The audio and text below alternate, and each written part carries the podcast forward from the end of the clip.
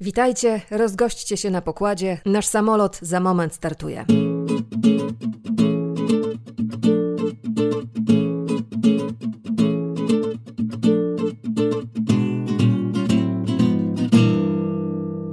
Nazywam się Katarzyna Borowiecka i dzisiaj będę waszym kapitanem, a słuchacie popcastu, czyli podcastu o popkulturze. Kino, seriale, literatura popularna, komiksy, tego możecie się spodziewać w każdym naszym spotkaniu, a że popkultura szybko reaguje na to, co się dzieje na świecie, w życiu społecznym i w ludziach, czasami te rozmowy o serialach, kinie i komiksach będą nas prowadziły w bardzo różne, niekiedy poważne rejony, ale dzisiaj, dzisiaj będziemy uciekać przed słońcem. 1 maja premiera miał serial Kierunek Noc, zainspirowany pomysłem na apokalipsę wziętym z powieści Jacka Dukaja Starość Axolotla. Nie spodziewajcie się ekranizacji tej powieści, ale Dukaj jest jednym z producentów wykonawczych serialu, obok Jasona George'a, autora scenariusza i Tomka Bagińskiego, którego pewnie przedstawiać wam nie trzeba, a który dziś o serialu w popkaście opowie. O pracy na planie porozmawiam też z Ksawerem Szlankierem, który zagrał w serialu Kierunek Noc jedną z głównych ról. A ten plan to głównie pokład samolotu, którego pasażerowie mieli trochę szczęścia. Zanim jednak wejdziemy na pokład, przypomnę, że codziennie nowe podpowiedzi, co czytać i oglądać w kwarantannie i po na facebookowym profilu o nazwie ABC Popkultury. ABC Popkultury to moja audycja w radiowej trójce na czas pandemii zawieszona, więc z radością spotykam się z Wami tutaj. Skontaktować się ze mną można przez profil ABC Popkultury, na przykład gdybyście chcieli pogadać o tym, co się Wam ostatnio na ekranie siłą rzeczy małym podobało. Kilka niezobowiązujących rekomendacji ode mnie już teraz. To nasze pierwsze spotkanie w maju, więc na początek słowo o premierach na platformach streamingowych. Zaczynamy od HBO. Crystal Moselle to amerykańska reżyserka, której film Skaterka, Skate Kitchen można było zobaczyć na Nowych Horyzontach dwa lata temu. Przypis.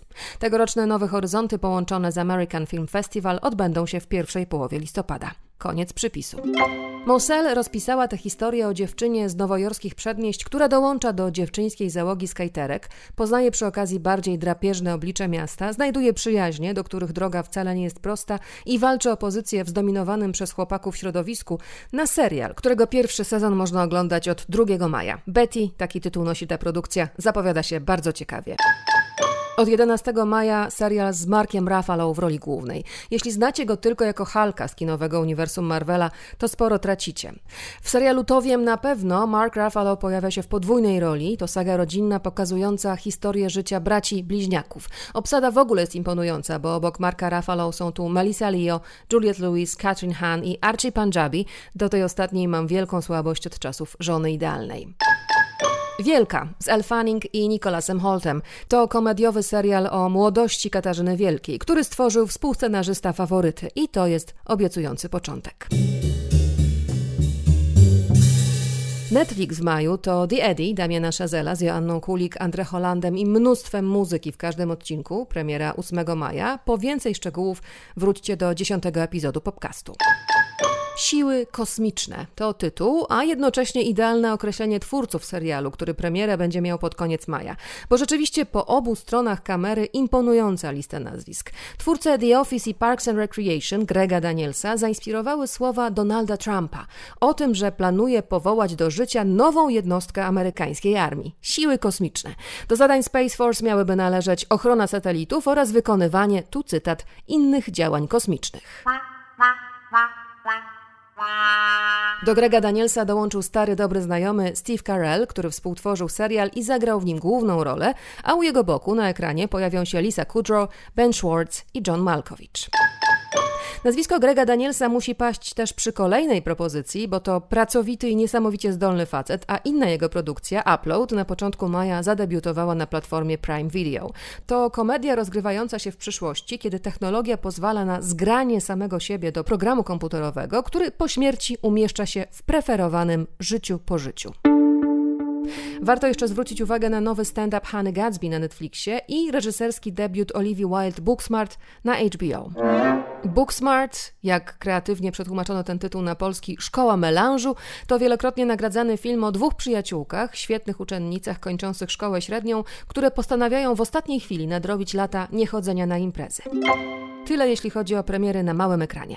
A teraz padnie kilka nazwisk, które warto zapamiętać. Mindy Kaling, amerykańska aktorka, reżyserka, scenarzystka i producentka. Jej rodzice przyjechali do Stanów z Indii i wychowali ją, jak sama opowiada, z przymrużeniem oka, bo tak już ma, jakby była nie ciemnoskórą córką imigrantów, ale wysokim blondynem z wyższej klasy średniej. Tak tłumaczy swoją siłę, którą jako telewizyjna twórczyni pokazała m.in. w serialu The Mindy Project, w Polsce Świat według Mindy, w którym zagrała też główną rolę ginekolożki, którą bardzo trudno zbić z tropu. Jeśli nie widzieliście, warto nadrobić. Bardzo ciekawe rzeczy robią dzieci imigrantów. To pierwsze pokolenie wychowane w Stanach. Aquafina, Hassan Minaj, Aziz Ansari czy Kumail Nanjiani, który do Stanów trafił już jako nastolatek. Na każde z nich warto zwrócić uwagę, ale my zostańmy na moment jeszcze przy Mindy. Także dorastania w Ameryce, będąc dzieckiem imigrantów, dotyczy jej najnowsza produkcja, dziesięcioodcinkowy serial komediowy Jeszcze Nigdy. Never Have I Ever. Devi, szesnastolatka z San Fernando Valley, kilka miesięcy temu straciła ojca, mieszka z matką, lekarką i kuzynką, która przyjechała z Indii specjalnie, żeby zrobić doktorat. A sama Devi, cóż, próbuje nadać jakieś tempo swojemu życiu uczuciowemu. Dowcipnie i mądrze napisany serial, świetnie zagrany i przez młodszą i przez starszą część obsady, o radzeniu sobie ze stratą, o dbaniu o przyjaźnie, o zmianie perspektywy, o dojrzewaniu, o życiu w dwóch kulturach jednocześnie. Mindy Kaling z pewnością nie powiedziała jeszcze ostatniego słowa. Ja na razie liczę na drugi sezon jeszcze nigdy. Kolejne nazwisko do zapisania brzmi Sztisel. Tak nazywa się wielopokoleniowa rodzina ortodoksyjnych Żydów z jerozolimskiej dzielnicy Geula i taki sam tytuł nosi serial, który opowiada o ich codzienności i o ich życiu. Najmłodszy syn Szulema Sztisela, nauczyciela w Jesziwie, Akiwa, wciąż nie zdecydował się na małżeństwo. Nie za bardzo też wie, co chce robić w życiu, wie, że lubi malować. Mąż Giti, starszej córki Szulema, wyjeżdża do pracy w rzeźni w Argentynie, zostawiając ją z piątką dzieci. Chwilę potem zostawia też pracę. Cwi Arje, syn Szulema, marzył o byciu kantorem, ale poświęcił to marzenie, żeby zadowolić ojca i zostać uczonym. Ich matka Dwojra, żona Szulema, niedawno zmarła, ale Akiwę odwiedza w snach. Babcia Malka w domu spokojnej starości zażyczyła sobie telewizora do pokoju i namiętnie ogląda modę na sukces. Niespiesznie doczy się akcja, ale nie będziecie się mogli od tej rodzinnej historii przepełnionej miłością, humorem i snami oderwać. Napisali ją dwaj scenarzyści wywodzący się także z ortodoksyjnych rodzin, Ori Elon i Jonathan Indurski. Choć w Sztiselach zakochała się publiczność na całym świecie, to dość długo nie było wiadomo, czy powstanie trzeci sezon. Dobre wiadomości są takie, że powstanie. Złe, że zdjęcia, które które miały się rozpocząć właśnie teraz, w maju, zostały oczywiście przełożone. Przypis numer dwa, który jest właściwie pełnym zachwytu wykrzyknikiem. Sprawdźcie izraelskie seriale. Pełno tam fantastycznych historii i bohaterów. Niektóre przyswoili Amerykanie, jak na przykład Homeland, którego pierwszy sezon powstał na kanwie Hatufim. Sztisel też zresztą miał mieć swoją amerykańską wersję. Mam nadzieję, że wcześniej dostaniemy trzeci sezon oryginału. Koniec przypisu. Kolejne nazwisko. Baranowski. Tadeusz Baranowski. Mistrz komiksowej formy, która rozsadza ramy komiksu. Barwne fajerwerki, kaskady humoru i ten niedokończony dowcip o gąsce balbince. Dla młodszych i starszych profesorek nerwosolek, jego gospodyni entomologia, smok diplodok, złowieszczy lord hokus pokus, łowcy przygód w paszczy wieloryba, bąbelek i kudłaczek. Dla niektórych z nas to starzy przyjaciele, od których uczyliśmy się, że nie wszystko w życiu trzeba brać na poważnie. Dla niektórych będą to odkrycia. Polecam serdecznie, to klasyka polskiego polskiego komiksu. Albumy Tadeusza Baranowskiego doczekały się kolejnych wznowień. Skorzystajcie. Więcej nazwisk, na które warto zwrócić uwagę, znajdziecie na facebookowym profilu ABC Popkultury, a ja teraz wymienię jeszcze jedno, nie wymagające wielkich rekomendacji. Jacek Dukaj. Możecie sięgnąć w pierwszej kolejności po starość Aksolotla, bo to powieść, w której Tomek Bagiński znalazł w jednym akapicie inspirację do stworzenia serialu Kierunek Noc. C'est quoi ce bordel Bienvenue à bord, bonsoir. J'y vais à Moscou pour faire mon opération. En tout cas, t'es dans le bon avion. Où est-ce qu'on va Into the night. Słońce jest zagrożeniem. Jego promieniowanie niesie ludzkości zagładę, natychmiastową. Jedyna szansa to ucieczka na zachód. W noc. Z takim wyzwaniem mierzą się bohaterowie serialu, który miał premierę 1 maja. Stworzony przez odpowiedzialnego m.in. za Narcos Jasona George'a, według pomysłu rozwiniętego przez Tomka Bagińskiego na podstawie książki Jacka Dukaja Starość Axolotla. Książka to historia niedobitków ludzkości, tych, którzy zdołali przekopiować swoje umysły w formie cyfrowej do maszyn. Tuż przed premierą serialu miałam okazję z Tomkiem Bagińskim porozmawiać. Zaczęłam od tego, że jego przyjaźń z Jackiem Dukajem trwa co najmniej od czasów nominowanej do Oscara animacji Katedra. Nie jest wielką tajemnicą, że moja rzeczywiście przyjaźń z Jackiem i to też taka artystyczna przyjaźń z Jackiem datuje się. To jest chyba 1999, 98, Jakoś tak. To jest 20 lat. I od zawsze chciałem tego Jacka w jakiś tam sposób kręcić, bo kiedyś e, utknąłem taki przy jakiejś innej okazji e, stwierdzenie, że gdybym umiał pisać, to bym pisał to, co Jacek pisze, ale nie umiem pisać. Więc przynajmniej nie, nie w takiej jakości, nie na takim poziomie. Od dawien dawna chodzą mi po głowie rozmaite pomysły, jak do Jacka Dukaja podejść, jak te książki tłumaczyć na ekran.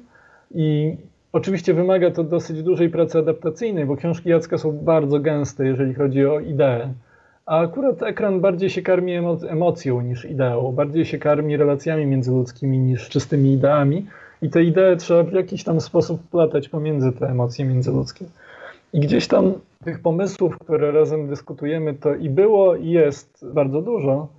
A akurat starość aksolotla to był taki rodzaj przebłysku, który miałem wracając metrem z jakiejś imprezy, gdzie zresztą chyba rozmawiałem o Jacku. Nagle przyszło mi do głowy, jak do tej powieści podejść. W taki dosyć sposób, umówmy się, brutalny, bo rzeczywiście to, co zostaje z tej powieści zaadaptowane, to właściwie pierwszy rozdział i to też nie cały, i to tylko jakby pewne wątki z tego pierwszego rozdziału i świat ale napisałem to, napisałem gdzieś tam SMS-a do Jacka, że wpadłem na pomysł, jak to ugryźć i czy mi pozwoli, żeby to w taki sposób zmasakrować. Jacek akurat jest bardzo elastyczny w tych kwestiach i otwarty, bo sam ogląda seriale i wie, że to wymaga pewnych, pewnych poświęceń. Kilka tygodni później napisałem mu e, taki pierwszy proto-treatment, pierwszą wersję tej historii to się na tyle spodobało, e, że zaczęliśmy to rozwijać i dwa, dwa i pół chyba roku później udało się to przedstawić Netflixowi, kiedy akurat Netflix po Wiedźminie pytał, czy mam jeszcze coś na warsztacie.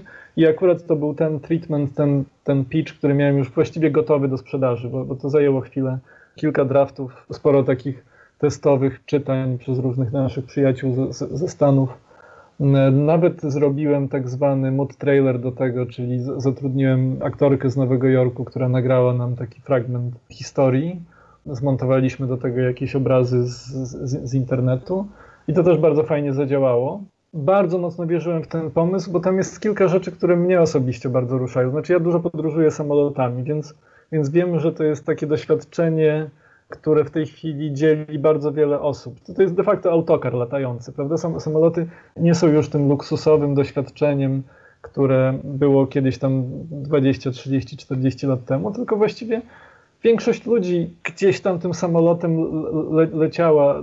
Czasem to były tanie linie, czasem to był wylot czarterem na, do Tunezji, ale, ale to, to doświadczenie latania samolotem jest dosyć szerokie i umówmy się, siedzenie z tymi ludźmi w samolocie nie zawsze jest fajne. Znaczy, nie zawsze chcemy z tymi ludźmi spędzać czas, prawda? No, umówmy się. To jest fantastyczny punkt wyjścia, bo nagle jesteśmy zamknięci w tej puszce i nagle się dowiadujemy, że ci ludzie, z którymi w ogóle z trudem jesteśmy zamknięci na te kilka godzin, nagle z nimi musimy, musimy przeżyć resztę życia. Nagle to jest nasza rodzina, nagle to jest nasze plemię. E, I to są ludzie z różnych kultur, z różnych e, światów, z różnych tam miejsc i, I, to są ludzie, których wcale nie lubimy na początku. Są obcy, komplet, kompletnie obcy, i nagle ci obcy są naszym jedynym plemieniem. To, to mi się wydało w ogóle fantastycznym pomysłem i ten w ogóle pomysł ucieczki przed, przed promieniowaniem, ucieczki przed nadchodzącą apokalipsą, który był u Jacka, to była z kolei druga rzecz, która mi się bardzo podobała. Trzecia rzecz, która mi się bardzo tam podobała, uważam, że, że to jest absolutnie unikalna rzecz w dziedzinie nie wiem, historii postapokaliptycznych, i, I, to znowu to jest ciekawe, bo Jacek ma, ma te powieści tak gęste, że, że tam wrzuca diamentowe pomysły, które przelatują przez dwie strony już jest po tym pomyśle, prawda? Tak, to jest, to jest, to jest jeden, to jest jeden, to jest jeden akapit. ale to, co tam też jest fajne, to jest ta wcześniejsza sytuacja, czyli takie podejście do, że, że ta apokalipsa jest natychmiastowa. Czyli to wbrew pozorom jest niesamowicie świeża rzecz. To znaczy, my, my, jesteśmy przyzwyczajeni do oglądania postapokaliptycznych historii, w których, nie wiem, do tej wojny nuklearnej to tam się zbierali, zbierały te potęgi latami, albo nie wiem, meteor, tam meteoryt zbliża się do Ziemi i, i, i walnie w tą Ziemię za miesiąc czy za trzy tygodnie. Zawsze jest czas, żeby się przygotować. Zawsze jest czas, żeby zareagować na to. A tutaj mamy sytuację, kiedy ta apokalipsa dzieje się nagle i resztę świata ma maksymalnie 12 godzin, żeby zareagować i nie ma jak uciec. Nie ma możliwości ukrycia się, nie ma możliwości jakby schowania się, poza oczywiście tym samolotem, co nie jest takie oczywiste też, no bo to nie, nie jest pierwsza rzecz, która przychodzi do głowy. I na poziomie emocjonalnym, na poziomie takiego dramatu ludzkiego, na, także też na, na poziomie takich rozwiązań technicznych, że, że ta apokalipsa dotyka tylko życia biologicznego, czyli my jakby w czasie rzeczywistym oglądamy e, przez automatyczne kamery, przez satelity, przez internet, który cały czas funkcjonuje, ca cała jakby elektronika, wszystko co jest zautomatyzowane funkcjonuje dalej, światła się świecą na ulicach. Wydaje się, że to wszystko jest pełne życia, ale ludzi już tam nie ma, nie ma tam już życia biologicznego. Są wszystko rzeczy super oryginalne, które Jacek po prostu wrzucił do tej powieści na zasadzie tam to zdanie, to zdanie, tu historia i i tyle. A to są wszystko zaczątki. Każdy z tych pomysłów to jest zaczątek serialu. Każdy z tych pomysłów to jest zaczątek fantastycznej jakby historii, którą można zbudować z tego. I to, co mi się z Jackiem, w relacji z Jackiem podoba, jest to, że, że on jest jednak jest taki super elastyczny, więc jak już dogadaliśmy się, jeżeli chodzi o, o to, co robimy, jaki serial chcemy zrobić, no to przecież Jacek oglądał takie seriale jak 24, oglądał takie seriale jak, jak Lost i tak, i tak dalej. I nie zawsze jest może fanem tych konkretnych seriali, ale jakby rozumie konwencję, rozumie o co, o co w tych serialach chodzi i, i, i no, stał się niesamowicie też aktywnym partnerem w rozwijaniu historii, które przecież są znacznie prostsze od tego, co zazwyczaj pisze. Bardzo sprawnie, jak się przekonacie, oglądając, jest skonstruowany ten scenariusz. Kolejne tajemnice, kolejne cliffhangery, kolejne wydawałoby się niewiele znaczące informacje, które za kilka odcinków okażą się kluczowe. To już są rzeczy, które rzeczywiście rozwiązywał Jason George i, i nam się bardzo tutaj poszczęściło, że trafiliśmy na, na człowieka, który zwraca uwagę na szczegóły, zwraca uwagę na detale tych, tych relacji międzyludzkich i też e, jest maniakiem lotnictwa, no bo też Jason jest byłym reporterem, spędził sporo czasu na, na Bliskim Wschodzie, dużo czasu spędził w samolotach i generalnie bardzo dużo wie o samolotach, więc na przykład wszystkie lotniska, na których lądujemy, to są prawdziwe lotniska, prawdziwe miejsca i gdzieś tam sprawdzaliśmy, czy w takim realizmie telewizyjnym ale też rzeczywistości. Czy, czy można było tym samolotem zdążyć z tego lotniska na, na to lotnisko? I, i, i oczywiście to, to wszystko jest, jest sprawdzone. Oczywiście jest to na styk przy takich najbardziej optymistycznych warunkach, ale to wszystko jest jakby te, te, technicznie też sprawdzone. Ale tak, ale te relacje międzyludzkie to już, to, to już duża zasługa w tym jest Jasona i tego, że, że, że bardzo tak fajnie, sprawnie, e, tak trochę po amerykańsku podszedł do tego scenariusza i zadbał o to, żeby te postaci się też od siebie bardzo różniły, no bo to też jest mięso każdego thrillera, każdego dramatu, każdej, każdej historii serialowej. To są właśnie różnice między postaciami, coś o, o czym my w naszej kulturze filmowo-serialowej czasem trochę zapominamy. Trochę te postaci są głosami pisarza a, a myśmy starali się jednak, żeby te postaci były różne, żeby to byli ludzie z kompletnie innych środowisk. Kierunek Noc to pierwsza belgijska produkcja Netflixa. Samolot startuje więc z Brukseli, a na pokładzie międzynarodowa obsada. To była robota głównie Jasona. E, oczywiście wszystkie te kwestie obsadowe były dyskutowane i konsultowane z całą grupą producencką ze mną. Też tych producentów i tych ludzi decyzyjnych było dużo, dużo mniej niż w przypadku Wiedźmina, więc jakby moja, moja rola była automatycznie większa. Spędziłem właściwie cały czas zdjęć na, na planie razem z Jasonem. A Jacek nas odwiedził e, kilkakrotnie, spędził chyba w sumie 3 czy 4 tygodnie na planie ra, razem z nami. Jacek w ogóle ma fantastyczne oko do, do detali, kilka tam rzeczy w serialu też jest czysto od Jacka. Chociaż nie jestem pewien, że, że, że kręcenie seriali to jest dokładnie to, co Jacek by chciał robić w życiu, ale ale wydaje mi się, że, że, że, że złapał trochę bakcyla i że trochę, tych, trochę mu się to podobało. A co się Jackowi Dukajowi nie podobało? Zapytałam. Może dziwne godziny pracy, ale Tomek Bagiński trochę się wymigał od odpowiedzi. Przedziwne przecież godziny pracy. Jednego dnia jest się, pracuje się w dzień, drugiego dnia się pracuje całą noc. I to, to bywa dość trudne czysto tak fizycznie. W przypadku serialu, który się dzieje w nocy, szczególnie. Myśmy ostatnie rzeczywiście 6 tygodni e, zdjęć. No to były zdjęcia już czysto nocne w lokacjach. E, już, już była jesień, więc się robiło zimno na tych tam pustych lotniskach. I no, wiało niesamowicie, często padał deszcz, więc to już było takie dość wysiłkowe, ale e, no, rola producenta jest taka, że, że wbrew pozorom, no, po, po, pierwsze jest dużo, dużo, więcej jakby twarzy decyzyjnych w przypadku serialu, a po drugie reżyserzy e, realizują serial i odchodzą, w sensie realizują zdjęcie i odchodzą, a, a potem trzeba jednak dbać o to, żeby i montaż, i efekty wizualne, i cała reszta elementów, i muzyka, żeby to wszystko zostało spięte na ostatni guzik. Na planie nagminną sytuacją jest to, że reżyserzy są tak skupieni na swoim odcinku, że albo rezygnują, albo pomijają, albo zapominają o, o rzeczach istotnych dla innych odcinków. Któryś z producentów kreatywnych musi być na planie cały czas. Naszym zadaniem jest pilnowanie całego sezonu, całej serii.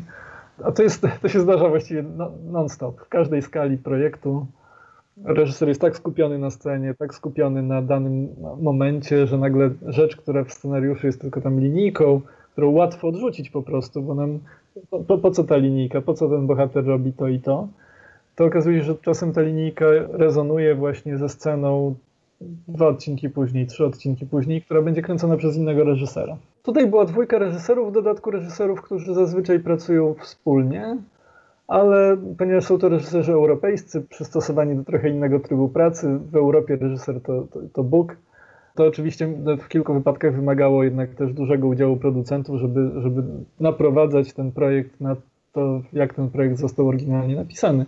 Bo myśmy z, z Jasonem bardzo dobrze wiedzieli, co chcemy nakręcić od samego początku i tutaj e, nie wiem, czy było miejsce na jakąś dodatkową jeszcze wizję. Raczej chodziło o zrealizowanie tego, co chcieliśmy nakręcić. A jak w tej wielonarodowej ekipie budowały się relacje? Francuski Pauline Etienne i Alba Gaia Bellugi. Belgowie Laurent Capellutto i Jan Bejwut. Niemiecki aktor pochodzenia tureckiego Mehmet Kurtulusz. Włoch Stefano Casetti. Rosjanka Regina Bikinina i polski aktor Ksawery Szlenkier, który zagrał pracującego dla belgijskich linii lotniczych Jakuba Kieślowskiego. Jak się wykluwało to plemię przypadkowo połączone ze sobą na zawsze, albo co najmniej na jeden sezon. To jest zawsze doświadczenie pierwszego sezonu, że my się wszyscy musimy nauczyć, czym ta historia jest, że, bo, ta historia jest, nie wiem, w głowie Jasona, jest w głowie mojej, ale niekoniecznie jest w głowie reszty ekipy. I jest ten moment, kiedy ma się takie poczucie, że inne osoby w ekipie też zaczynają rozumieć, jaka jest to nacja, co tak naprawdę robimy. I i to zajmuje chwilę czasu, bo to nigdy nie jest pierwszy dzień, to nie jest pierwszy tydzień. To, to, to, zawsze zajmuje, zajmuje chwilę. Zresztą Jakub miał wyjątkowo trudne zadanie, bo myśmy go napisali jako taką postać, bo to też mi się podobało, że fajnie, że Polak będzie zwykły, zwykły nie? Że, że, że Polak będzie tym takim barometrem normalności w tym wszystkim. No bo każda z tych postaci ma jakieś swoje sekrety, każda z tych postaci ma jakieś swoje tajemnice, a ten nasz Polak jest po prostu no, chłopakiem, który jest takim, takim środkiem krzywej, krzywej dzwonowej. Jest takim zwykłym człowiekiem, który rośnie do, do pewnej roli dopiero. Do, dopiero buduje się do pewnej roli i, i popełnia błędy i tak dalej. To jest trudna rola do zagrania. Mi było bardzo fajnie patrzeć, jak też Jakub się rozwija, no bo przecież my z polskiej telewizji znamy Jakuba z jakichś tam e, małych ról gdzieś e, w, w, w małych serialach i było fajnie zobaczyć, że, że też jakość aktora wzrasta razem z jakością materiału. to, to znaczy, fajnie było zobaczyć, jak, on tak, tak ro, rozwija skrzydła, jak zresztą wielu, wielu tych, tych aktorów pokazało nam e, fantastyczne możliwości, bo nagle mieli. Ja, ja w ogóle mam, ty wiesz o tym doskonale, bo, bo, rozmawialiśmy o tym, ale ja mam o, o, ogromną potrzebę dobrego kina gatunkowego. Mam wrażenie, że, że że, że to jest najtrudniejszy rodzaj kina w robieniu, najbardziej wymagający pod, pod wieloma względami, ale też e, wydaje mi się najciekawszy i też wydaje mi się bardzo ciekawy dla aktorów. Wydaje mi się, że, że to kino, takie, takie dobre kino gatunkowe daje największą możliwość ekspresji dla aktorów, bo oni mogą się postawić w sytuacjach ekstremalnych, w sytuacjach, w których normalny człowiek nigdy by, się, nie, by nie został postawiony i mogą na te sytuacje ekstremalne zareagować, spróbować się w nie wczuć i, i pokazać, na co ich stać tak naprawdę. Ja z naszej całej ekipy aktorskiej jestem super zadowolony. Mam wrażenie, że, że, że zrobili fantastyczną pracę. I to też jest oczywiście ukłon w stronę reżyserów. To jest ogromny ukłon w stronę Jasona George'a, który to no, wszystko napisał i też był tam dzień w dzień, każdego dnia, pracując jak, jak jakiś koń pociągowy, strasznie, strasznie dużo. No, żeby ten serial był no, solidnym kinem gatunkowym, właśnie takim, jaki, jaki ja zawsze chciałem robić, a jeszcze oprzeć to na polskiej historii, no to już w ogóle super. Zwróćcie uwagę, że mówiąc o Ksawerym Szlękierze, Tomek Bagiński posługuje się jego ekranowym imieniem, bo rzeczywiście to jest świetnie zagrana postać. Do rozmowy z Tomkiem jeszcze wrócimy za moment.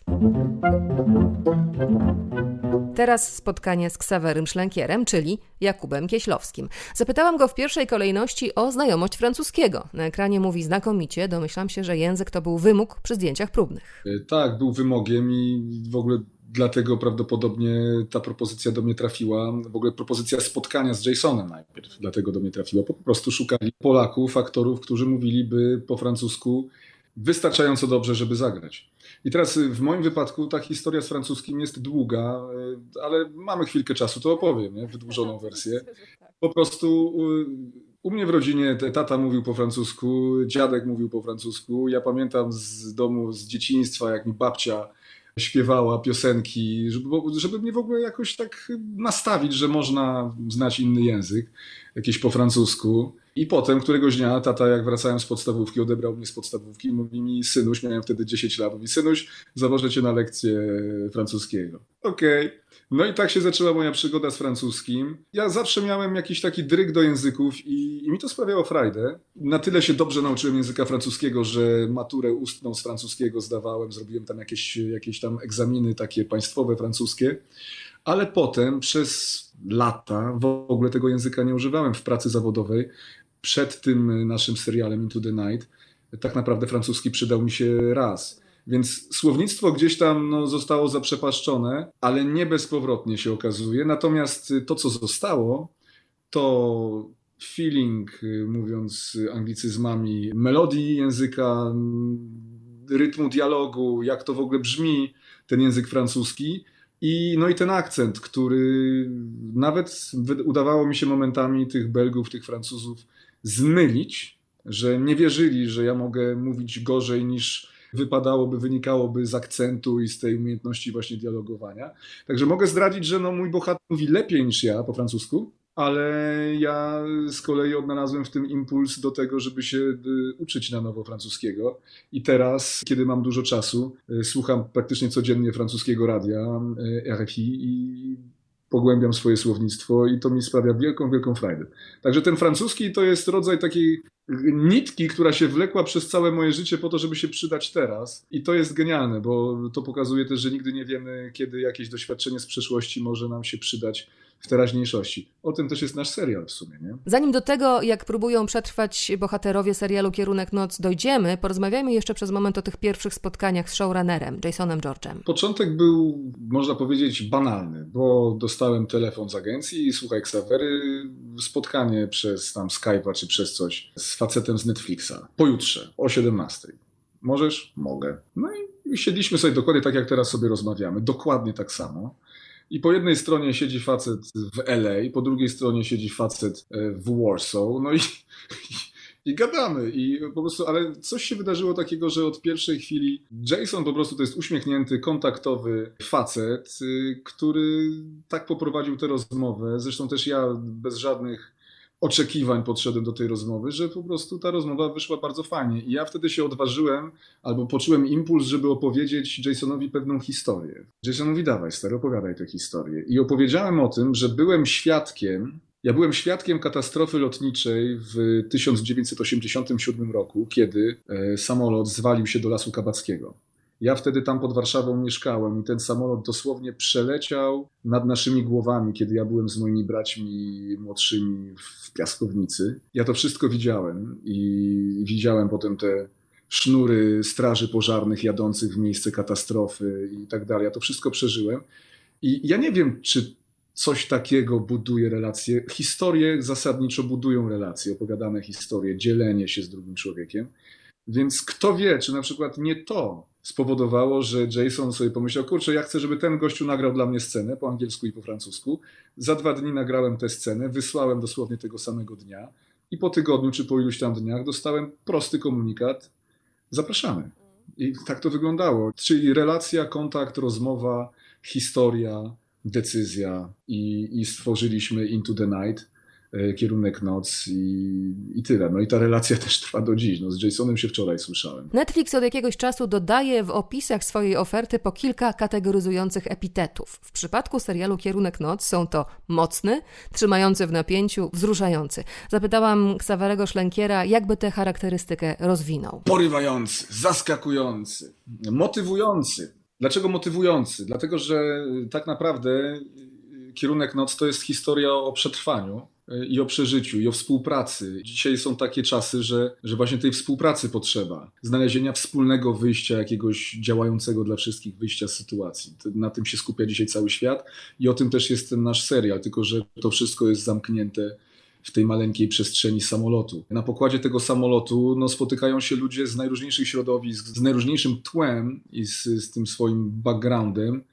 I w tej konstelacji okazuje się, że właśnie każdy ma coś, co może drugiemu pomóc i że każdy ma jakieś swoje ograniczenia. I teraz pytanie jest, czy te ograniczenia będzie w stanie przeskoczyć, czy te ograniczenia, na przykład wady, go zdominują, czy może on przełamie te wady i, i odkryje w sobie coś dobrego. Ale historia jako taka no jest, jest w zasadzie prosta. Zresztą już te trailery, które się pokazały gdzieś tam, pokazują w czym jest, że przede wszystkim no jest noc, jest samolot, jest lotnisko i są ludzie, którzy wsiadają na pokład tego samolotu, chcą lecieć gdzie? No, chcą lecieć na wschód, chcą lecieć do Moskwy, y, bo do Moskwy jest ten, ten lot i nagle na pokład tego samolotu wpada facet z karabinem maszynowym i każe startować natychmiast, więc y, startuje samolot tylko z tymi, którzy są na pokładzie i, i każe ten, ten, nie wiemy, czy terrorysta, czy kto, widzimy, że karabin i, i on każe zawracać i lecieć na zachód na początku bohaterowie nie wiedzą nic ponad to. Internet nie działa, łączności nie ma. Widzimy faceta z karabinem i kiedyś no, u Hitchcocka na początku trzęsienie ziemi, a potem już tylko mocniej. I tak samo tutaj no, zaczyna się od, od walnięcia, od porwania samolotu. Później oczywiście kolejne rzeczy się jakieś tam wyjaśniają, ale lęk, niepokój nie opuszcza tych bohaterów do samego końca. To jest wyścig z czasem, to jest zmaganie się ze sobą, to jest zmaganie się z innymi. I ta, ta intensywność tego, tego, tego strachu, tego, tych wszystkich odczuć w perspektywie e, zagłady, może nieuchronnej, e, no powoduje, że nic nie jest takie, jak było. Nawet zwykły dialog, zwykła rozmowa o czymś trywialnym, o nie wiem o czym, o, o, o przeszłości, o przyszłości, o jedzeniu, zawsze jest podszyta tym, tym lękiem. I, I, to napięcie ja też widziałem od początku do końca. E, utrzymuje się i, i się bardzo z tego cieszę, bo to, to czuliśmy ze scenariusza, y, czytając go po raz pierwszy, że tam po prostu jest suspens przez duże S cały czas. I, i jak się raz wciśnie ten pedał gazu do, do podłogi, to już się go nie odpuszcza. Wierzę, że to się udało i myślę, że jeżeli ktoś lubi mocną jazdę bez trzymanki, to to jest właśnie ten serial. Co nieco już o bohaterze granym przez Ksawerego opowiedział Tomek Bagiński, ale jak Jakuba Kieślowskiego opisze odtwórca tej roli. Y, Jakub Kieślowski jest y, emigrantem, jest człowiekiem, który stwierdził, że w tym miejscu, w tej miejscowości, w której żył, a nawet wiemy dokładnie, co to za miejscowość. To nie ma oczywiście znaczenia dla fabuły, ale dla mnie jako aktora miało znaczenie, że ustaliliśmy że, że pochodzi z Pabianic pod Łodzią. Tak sobie wymyśliliśmy. Zresztą czujny obserwator zobaczy to w trailerze też, y, bo w tym zwiastunie, który się ukazał już jakiś czas temu, są zbliżenia paszportów. I tam jest napisane, z którego województwa, kto wydał ten paszport, więc to się gdzieś tam pokazuje. Ale przede wszystkim no, to jest po prostu y, historia, jakich było wiele no, w Polsce, prawda? Że po prostu z braku perspektyw ekonomicznych, facet z jakimiś tam talentami, ze smykałką techniczną, bo mówiliśmy o tym, że jest po technikum i tak dalej, pracy nie dostał, coś się nie udało, wyjechał. I tam swoją pracowitością wspiął się dosyć wysoko w pewnej drabinie zawodowej, dlatego że w tych liniach lotniczych Belgian Airlines dochrapał się pozycji y, takiego kierownika od spraw obsługi naziemnej. Jego robotą jest to, że szkoli, raz, że ma swoją działkę na miejscu tam w Brukseli, ale też jest wysyłany przez linie lotnicze w wiele miejsc na świecie i szkoli obsługę naziemną po prostu no, z ich zadań, co należy robić, jak należy robić, jakie są procedury, czego należy przestrzegać. Doskonale zna samoloty i też, no, no właśnie, no i ta jego wiedza, to jego doświadczenie, które przypadkiem e, znajduje się też na pokładzie tego samolotu, w tym konkretnym locie do Moskwy, ona jest po prostu bardzo ważna dla pozostałych bohaterów. Także taki, taki jest background, prawda? Więc jest to historia emigranta, który ma szansę przeżyć coś, co nie wiadomo, co to z nim zrobi, ale ma szansę przeżyć w ogóle. To jest też piękne w tym, że w tym samolocie mamy ludzi najróżniejszych, najróżniejszych, nawet takich, którzy by nie chcieli żyć, a żyją. Zdjęcia powstawały m.in. pod Sofią w Bojana Studios, na lotniskach, ale wiele scen odbywa się w ciasnej, co wszyscy wiemy, przestrzeni samolotu. Ile z nich rzeczywiście powstawało w samolocie? No, kuchnia filmowa jest taka, że zawsze jest jakaś scenografia, tylko naszym y, celem jest to, żeby się widz nie zorientował, co było, co było w scenografii budowanej, a co było w prawdziwym samolocie, mogę powiedzieć, że prawdziwy samolot, produkcja y, miała, który latał i lecieliśmy tym samolotem, także ja nie zdradzę, które sceny i gdzie, ale tak, oczywiście, no, to jest piękne, nie, w tej iluzji, którą budujemy. Praktyka pracy była taka, że no wszystko to, co się dzieje w samolocie jest y, naprawdę y, było ściśnięte, więc i wpłynęło to na to, jaka kamera będzie używana, mniejsza, lżejsza, oczywiście potężna, jeśli chodzi o, o, o efekt, ale ale przede wszystkim miała być lekka i poręczna. To wszystko było no, ekipa, która znajdowała się w środku, zredukowana, zredukowana do niezbędnego minimum. Oczywiście na zewnątrz no, cały team, prawda, ale w środku tylko potrzebne osoby, bo już jak sami aktorzy weszli, to już było ciasno, tak? Ale to też budowało, to budowało relacje, bo w takim układzie każdy każdemu musiał pomóc. Przechodzi gafer poprawić coś e, ze światełkiem, e, musisz go przepuścić e, i każdy musi sobie schodzić z drogi i, i robić miejsce jego i tak dalej. To było bardzo fajne, bo też nikt nie był traktowany właśnie jak król. Uwaga, teraz król wchodzi, wszyscy na miejsce, na, na boki, bo bo wchodzi król, nieważne czy, czy aktor, czy ktoś i tak dalej, tylko to była cały czas współpraca i, i taka czujność na drugiego człowieka to bardzo procentuje, w, myślę, w tej naszej produkcji, bo, bo, bo coś tam się z, z, zadzierzgnęło. Nie? O tym, co doprowadziło poszczególnych bohaterów na pokład samolotu, który pierwotnie miał lecieć do Moskwy, dowiadujemy się w kolejnych odcinkach. Każdy tu ma swoją historię i swój wkład w akcję. To jest taki bohater zbiorowy. No właśnie, ale my już znamy, znamy filmy, gdzie jest jakaś apokalipsa i jest jeden bohater, który musi sobie poradzić i tak dalej. To już znamy, to już było, nie? Już był Will Smith tam w filmie Jestem legendą, czy coś takiego. Zresztą dobry film. A tutaj mamy inną historię. No tutaj mamy zagładę bez zombiaków e, i, bez, bez jakiegoś post-apo, tak? I, I, mamy grupę ludzi, i w tej grupie ludzi rzeczywiście każdy jest ważny, i każdy włożył no, cały swój talent. I teraz Babetida Sadio, e, no, no to, jest, to jest świetna aktorka. No. Fantastycznie emocje, fantastyczne emocjonalne aktorstwo, które po prostu doskonale współgra z tą postacią. Więc no cóż, reżyserzy Jason, Tomek. Cieszę się, że, świetną obsadę zrobili. Ja się cieszę, że jestem elementem tej świetnej obsady. E, ale Laurent, świetny aktor teatralny też, e, który gra pilota Mathieu.